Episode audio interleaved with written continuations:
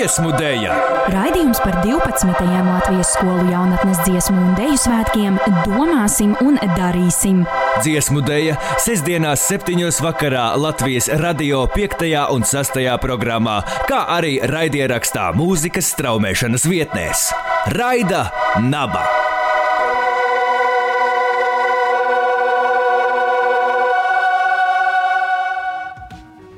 Sveiciens visiem raidījuma dziesmu dēļa klausītājiem mūsu šodienas astotajā raidījumā. Ar jums šodien kopā esmu es, Elīna Krēmere. Un sveiciens arī no manis, Annas Krišjānas. Kā jau ierasts, arī šoreiz turpināsim iepazīties ar šī gada digitālo dziesmu un dēļu svētku dalībniekiem, viņu piedzīvojumiem un arī pārdzīvojumiem, kas saistās ar šo neparasto notikumu. Šodien sarunāsimies ar folkloras kopas starkšķi vadītāju Kristīnu Karali un dalībnieku Tomu Vītrupu no Iecevas zemgalē. Tarkšķi savā pastāvēšanas laikā nevien vairāk kārt piedalījušies dziesmu un deju svētkos, bet arī izdevuši vairākus tautas mūzikas albumus, sadarbojušies ar Latvijā atpazīstamiem tautas mūzikas pārstāvjiem un pat tikuši nominēti mūzikas ierakstu gada balvai Zelta mikrofons. Sarunā ar Tarkšķu pārstāvjiem uzzināsim, kas noteicis folkloras kopas neparasto tērpu izvēli un piesaistīs vienu konkrēta tradicionālā instrumenta mandolīnu spēlei. Viesi dalīsies savā pieredzē, piedaloties svētku atklāšanas tiešraidē, Svētki esam mēs, un arī folkloras kopu koncertu programmā Rotā saule, Rotā bite. Jautāsim arī, ko no jauniegūtajiem iespējām ēdziesmu un deju svētku laikā viņi labprāt paturētu un arī īstenot nākamajos gados. Pirms tam klausāmies trīs interesantus faktus par jaunatnes dziesmu un deju svētku vēsturiskām un arī mūsdienīgām norisēm, ko tad pastāstīs mūsu kolēģis Kaspars Eglītis.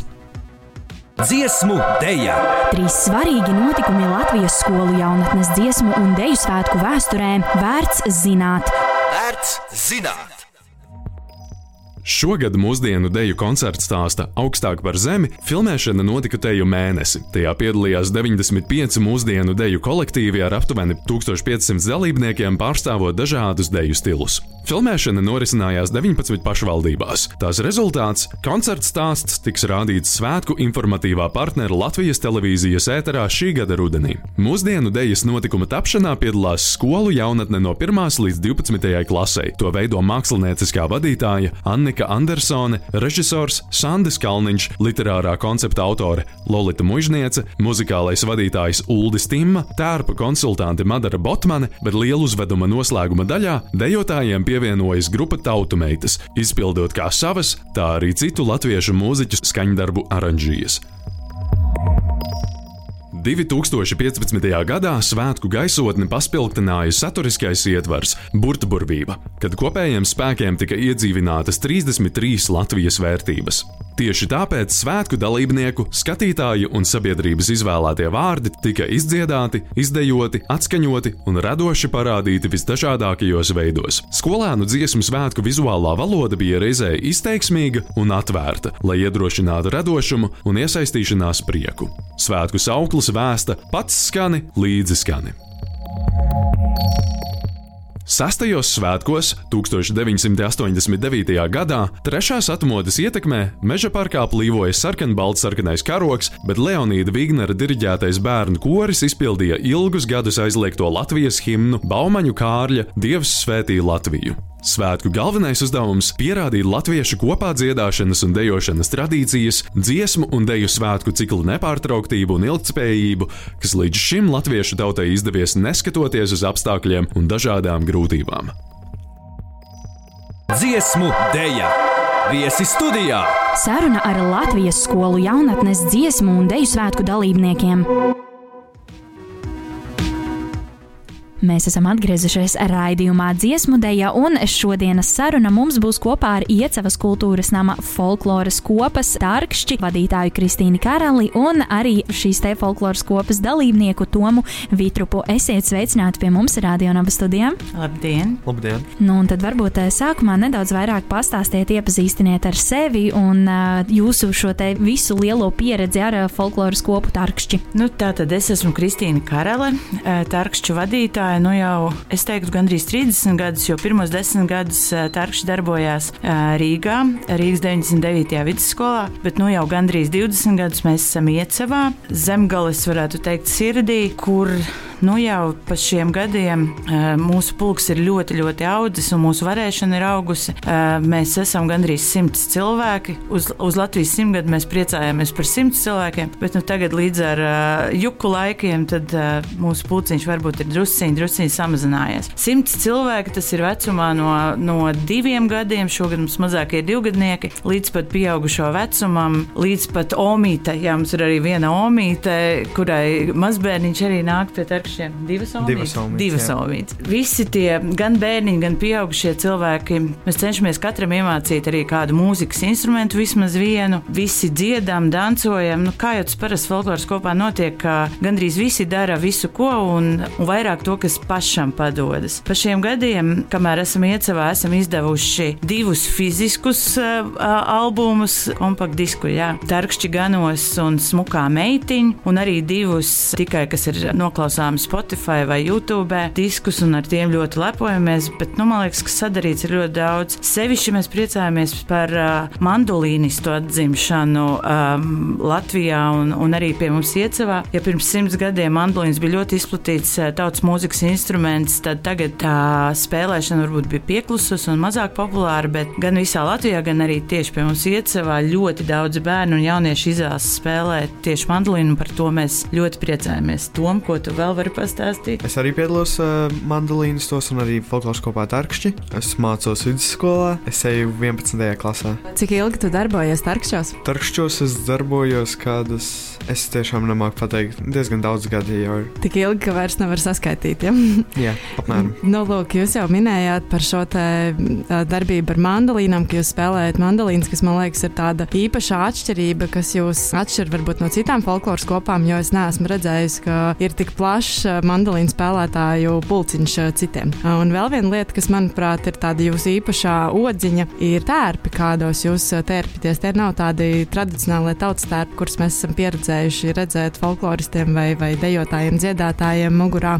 Jūs izmantojat bieži vien tādas puķainas kleitas un, un lakatiņas un, un baltas zeķītes. Kāpēc šāda tērpa izvēle un ko tas varbūt simbolizē? Varbūt to tu vari pastāstīt, kā tas tapa, jo mums bija tā sajūta, kad mēs um, sākām spēlēt to mandolīnistu mūziku. Tā sajūta bija tāda, ka tai mūzikai nepiestāv uh, tautas tērpi, jo tā ir tāda tā kā jaunāka mūzika nekā tautas tērpi ir. Un varbūt Toms var pastāstīt vairāk, kā mēs nonācām tieši pie šādiem tērpiem. Pie šādiem tērpiem mēs nonācām uh, mūsu mājas bēniņos, kad mēs ievācāmies, atradām negatīvus, uz kuriem varēja redzēt arī mandolīnistus, kas ir bijuši iecavā, un viņiem varēja redzēt, kādi tērpi bija. Un tad mēs centāmies atdarināt tos. Tie bija tātad iecavnieki, kas dzīvoja reālos, re, reālās mājās un reālā īstā iecavā, un tās bija, tās bija tās tā laika lauku cilvēku kleitas un uzvalki un izbikses, tā kā mēs puišus pucējam un, un lakatiņu, un tad mēs nu, mēģinājām to atdarināt jā, ar, ar mūsu mūsdienu iespējām. Jā, tā tad tas nav tā vienkārši no zila gaisa izdomāts, tas viss ir, ir tiek atdarināts um, jau no iepriekšējiem laikiem, kā tiešām uh, cilvēki ir ģērbušies. Bet šā gada e-dziesmu un deju svētku sakarā jūs esat diezgan daudz ko paguvuši sadarīt. Esat piedalījušies svētku atklāšanas tiešraidē. Svētki esam mēs, arī virtuālajā gājienā Saules vija un televīzijas filmētajā koncerta programmā Rotā Saule, Rotā Bite un droši vien vēl daudzās citās norisēs. Tad padalieties varbūt savā svētku pieredzē un kas tad varbūt visīpašāk ir palicis atmiņā un, un kas saistās ar šiem svētkiem visvairāk. Man ļoti patika laureāta koncerta filmēšana. Tas bija ļoti forši un interesanti. Un arī atklāšana bija ļoti jauka. Par gājienu. Gājienā man ļoti patika, kad mēs visi stāvējām un sagaidījām mašīnu, kā viņi atbrauks. Tad mums bija jāsasveicinās ar viņiem un jāparunājas un arī jāuzspēlē. Un par to laureāta koncertu, nu, tas rotā sāla, rotā bita, kas jau ir pārraidīts Latvijas televīzijā. Tā nebija pirmā reize, kad mēs televīzijas formātā to, to programmu pasniedzam, jo tā bija arī iepriekšējās dziesmu svētkos. Bet, bet šoreiz tas bija īpaši ar to, ka, eh, lai noskaidrotu laureātus, mums bija jāiesūta tās nofilmētās dziesmas vai tas muzikālais materiāls nevis žūrijas priekšā eh, klātienē jādzied, un tas bija neparasti. Un tas bija neparasti arī tāpēc, ka, ka tas eh, materiāls bija jānofilmē pēc faktiski tāda tukša gada, ko mēs pavadījām katrs pats savās mājās. Protams, mēs caur zūmiem tikāmies un, un redzējām viens otru, bet tā ne tā saspēle, ne tā sadziedāšana nebija iespējama, jo vienkārši tas zumā nav iespējams. Tu vari dziedāt uh, katrs pats ar sevi, vai tu vari dziedāt kādam priekšā, bet tu nevari sa sadziedāt un saspēlēt. Un tāpēc tas bija ļoti īpaši satikties uh, tajā filmēšanā. It kā teorētiski mēs pat nedrīkstējām viens otru, nu, mēs savus folkloras kopas ietvaros drīkstējām viens otru satikt un redzēties, bet ar citām folkloras kopām, ar mūsu draugiem, ja mēs varējām samāties un, un um, ejot prom, mēs no skatuves ieraudzīt viņus, bet arī tas bija īpaši un ļoti gaidīti ieraudzīt vienam otru. Protams, viss, tas viss, ko mēs darījām skatuves, tas, protams, arī ļoti nozīmīgi un, un svarīgi mums bija. Jā, tas, ko min daudzi uh, svētku dalībnieki, ka šogad pietrūkst mazliet tā atgriezeniskā saita no skatītāja, ka nav tā klātienes uzstāšanās un nav aplausa un šādas te nianses. Varbūt jūs esat saņēmuši kaut kādas atsauksmes pēc šiem te koncertiem, kas ir pārraidīti televīzijā. Kā jums ir? Jūs saņemat kaut kādu skatītāju emociju atpakaļ? Man ir skolā daži skolotājs pienākuši klāt un teikuši, ka ļoti patika koncerts un kā mēs dziedājām. Dziedāja solo, Toms tika izvirzīts laureāta koncertā, dziedāts solo, jā, un, un es viņam piespēlēju garmošku. Toms ir mans radinieks, māsas dēls, un mēs saspēlējāmies, un tāds ļoti sirsnīgs, manuprāt, priekšnesums mums iznāca, un jā, to daudz novērtē. Jā, arī man ir, ir sūtījuši ziņu arī nefolkloristi, ka, ka tas koncerts ir bijis ļoti izdevies, un arī, nu, arī cilvēkiem, kas it kā ir drusciņi no malas, ir bijis interesanti un, un ir paticis noskatīties visu koncertu, ne tikai mūsu sadaļu. Ļoti jauki, ka var arī saņemt tomēr kaut kādu atbalstu no skatītājiem. Varbūt tas nav tik lielos apjomos, bet es domāju, ka šādi pat ir īpašāk, kad tiešām cilvēki vienkārši individuāli nāk un, un uh, saka savu atbalstu un emocijas par šiem koncertiem. Jūs jau minējāt, ka jums iepriekš bija pieredze ar šādām filmēšanām, bet tomēr jau kaut kādi izaicinājumi gatavojoties ir bijuši, un tas ir prasījis savu veidu pielāgošanos. Kā jums šķiet, ko no šī svētku koncepta būtu vērtīgi varbūt paturēt nākamajiem gadiem, vai tomēr labāk pieturēties pie tāda tīri tradicionālā formāta? Es nezinu, vai no svētku formāta es gribētu kaut ko paturēt šeit. Ne, man patīk tās, tās, tās filmēšanas, bet tomēr droši vien tā kā daudzi vai, vai pat visi atzīst, nu, ka tā, tā tomēr nav tā īstā svētku sajūta kopā būšanas, bet no tās gatavošanās perioda vai no tā konkursu iesūtīšanas formātā, varbūt gan tomēr var, var, var kaut ko paturēt, un pilnīgi noteikti var paturēt to, ko mēs darījām ar tarkšķiem Covid.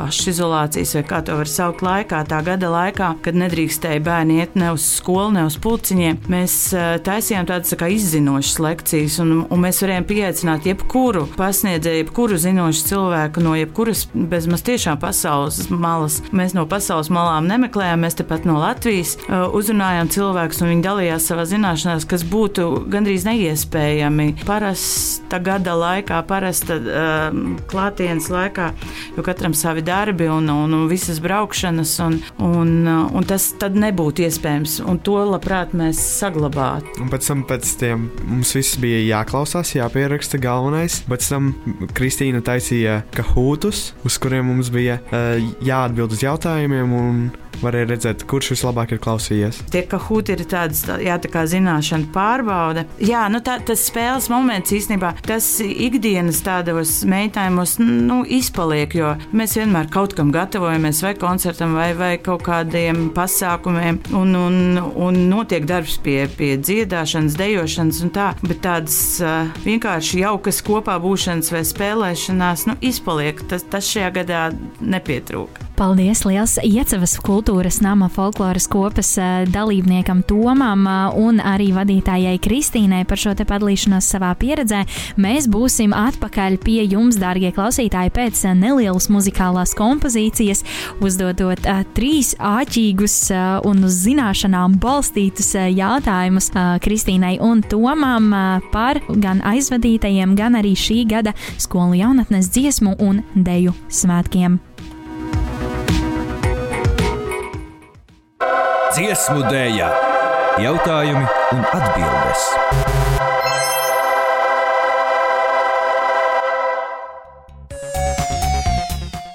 Esam atgriezušies studijā redzījumā dziesmu dēļa. Pie mums šodien viesojās Iecels folkloras kopa Tārkšķi, un konkrētāk viņa vadītāja Kristīna Karele un dalībnieks Toms Vitrups. Bet tagad mēs uzdosim jums pāris jautājumus. Paskatīsimies, cik zinoši un erudīti jūs esat par šiem te Latvijas skolu jaunatnes dziesmu un dēļu svētkiem. Tātad mums pirmais jautājums nedaudz vairāk par skolu jaunatnes dziesmu un deju svētku tradīciju. Kā sauc mākslinieku, kurš izveidoja simboliskas stabules, lai atgādinātu par dziesmu svētku tradīciju aizsākumiem Madonas novadā? Mākslinieki, mākslinieki. Tā, kādus mēs zinām, mākslinieks to? Jā. Tā, mākslinieki. Kādi pirmie burti? Man, man, jau vajadzētu zināt, es eh, padziļināti mācos. Lūdzu, Mākas. Lūdzu. vai Ivars Mailītis? Pareizā atbilde ir tieši tā Ivars Mailītis. Lai atgādinātu par dziesmu svētku tradīciju aizsākumiem Madonas novadā, teju pirms 150 gadiem mākslinieks Ivars Mailītis mācītāju mūžai izveidoja simboliskas stabules, kuras pašlaik gan ir iespējams aplūkot ikvienam. Ivaram Mailītim doma par svētku vizuālo tēlu radās iedvesmojoties no Pētera kundziņa glaznas, kurā attēlots ganiņš ar stabulīti. Otrais jautājums par šī gada skolēnu jaunatnes dziesmu un deju svētkiem. Kā sauc projektu, kura ietvaros tiek aicināti jaunieši doties ārā, svaigā gaisā, izkustēties un atbildēt uz āķīgiem un aizraujošiem jautājumiem par dziesmu svētku tradīciju? Viena lieta, ko es zinu, ka, ka vēstnese šim pasākumam ir Katrīna Dimanta un kaut kas saistīts ar dabu. Vai tu esi redzējis reklāmas? Kaut kas liekas, ka saistīts ar dabu. Daba, daba, daba, daba. Daba dziedē? Diemžēl atbilde nav pareiza. Šo te akciju sauc Klimata draugs. Klimata draugs projekta ietvaros tiek aicināti bērni un jaunieši doties ārā, svaigā gaisā, izkustēties un atbildēt uz aķīgiem un aizraujošiem jautājumiem par dziesmu svētku tradīciju un klimatam draudzīgām izvēlēm. Spēle var iziet jebkurā vietā un jebkurā pulksteņa laikā. Dalība ir bez maksas. Vairāk par šo te pasākumu meklējiet informāciju skolu jaunatnes dziesmu un deju svētku Facebook lapā. Trešais jautājums arī nedaudz vairāk par vēsturi. Kurā gadā skolu jaunatnes dziesmu un deju svētkos pirmo reizi tika uzvilkts sarkanbalts sarkanais karoks? Tā. Tad varbūt 80. Jo es zinu, ka Baltika notika 88. gadā. Bet var sarēķināt ātri, kad bija. Ja šie ir 12. Jā, bet vajadzēja būt 20. 5. 90. Atbilde ir ļoti, ļoti tuvu pareizai, jo pareizā atbilde ir 1989. Jā. Bet mēs jums ieskaitīsim puspunktu, viss kārtībā. Tātad 1989. gada skolu jaunatnes dziesmu un deju svētki bija pirmie svētki, kuri bija brīvi no veltījumiem padomju varai un ā, karogotiem gājieniem. Daugavas stadionā deju koncertu ievada laukuma centrā nostājies mazs puisīts, stabulējot melodiju Darman tēvis pastaliņas, tika uzvilkts arī pirmoreiz sarkanbalts sarkanais karoks, un kā arī Leonīts Vīgners diriģējis kori, kas izpildīja ilgus gadus aizliegto Latvijas himnu Baumaņu Kārļa Dievs svētī Latviju. Nu, kopumā jums eh, ļoti labi sanāca, nebija nemaz tik slikti. Ko jūs paši domājat? Nu, varēja, Varēja labāk. Jā. Bet paldies! Atgādināšu vēlreiz klausītājiem, ka tikko sarunājāmies ar Kristīnu Karali un Tomu Vitrupu no Iecevas kultūras nama folkloras kopas Tarkšķi. Paldies jums liels par laika atvēlēšanu mūsu raidījumam dziesmu deja un eh, ceram jūs noteikti redzēt kaut kur vēl uz eh, kādas lielās skatuves, kādā televīzijas pārraidē vai kur citur, lai viss izdodas. Lielas paldies! Liels paldies. Uz tikšanās! Atā. Raidījuma noslēgumā dzirdēsim ierasto svētku dalībnieku sveicienu, kas šoreiz nāk no Baldonas puses. Savā pieredzē un gūtajos iespējos dalīsies iepriekšējo gadu dalībniece Aleksandra Moskaļenko, kas svētkos vairāk kārt piedalījusies ar Baldonas vidusskolas kori un arī Veizāna deju skolu. Paldies, ka klausījāties raidījumu dziesmu deja, ko veido radionabi instruktori Elīna Krēmere, Anna Evelīna Krišjāne, Kaspars Eglītis un Valters Mednieks. Uz sadzirdēšanos jau pēc nedēļas raidījuma 9. epizodē. Dziesmu dēļa, vēlējums vai komentārs.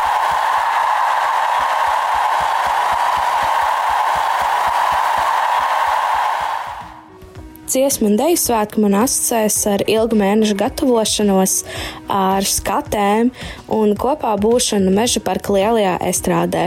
Es pat esmu piedalījusies divos skolēnu dziesmu un deju svētkos, vienu gadu pat kā dejotāja, un var pateikt to, ka tā ir pieredze, kuru es savā dzīvē nekad neaizmirsīšu, jo gatavošanās periods tiešām bija sarežģīts un ļoti, ļoti, ļoti garš. Bet, manuprāt, ik katram ir jāizbauda dziesmu un deju svētki pilnīgi jebkādā formātā, tāpēc es novēlu šī gada dalībniekiem to izbaudīt uz visiem simt procentiem. Protams, žēl, ka visi nevar satikties klātienē meža parka lielajā estrādē un vienoties eh, kopīgās dziesmās un dejās, bet es noteikti varu apgalvot to, ka arī šādā formātā būs ļoti interesanti un katrs varēs pieredzēt jaunu pieredzi. Dziesmu dēļa. Raidījums par 12. Latvijas skolu jaunatnes dziesmu un dēļu svētkiem domāsim un darīsim. Dziesmu dēļa sestdienās, septiņos vakarā Latvijas radio 5. un 6. programmā, kā arī raidierakstā mūzikas straumēšanas vietnēs. Raida Naba!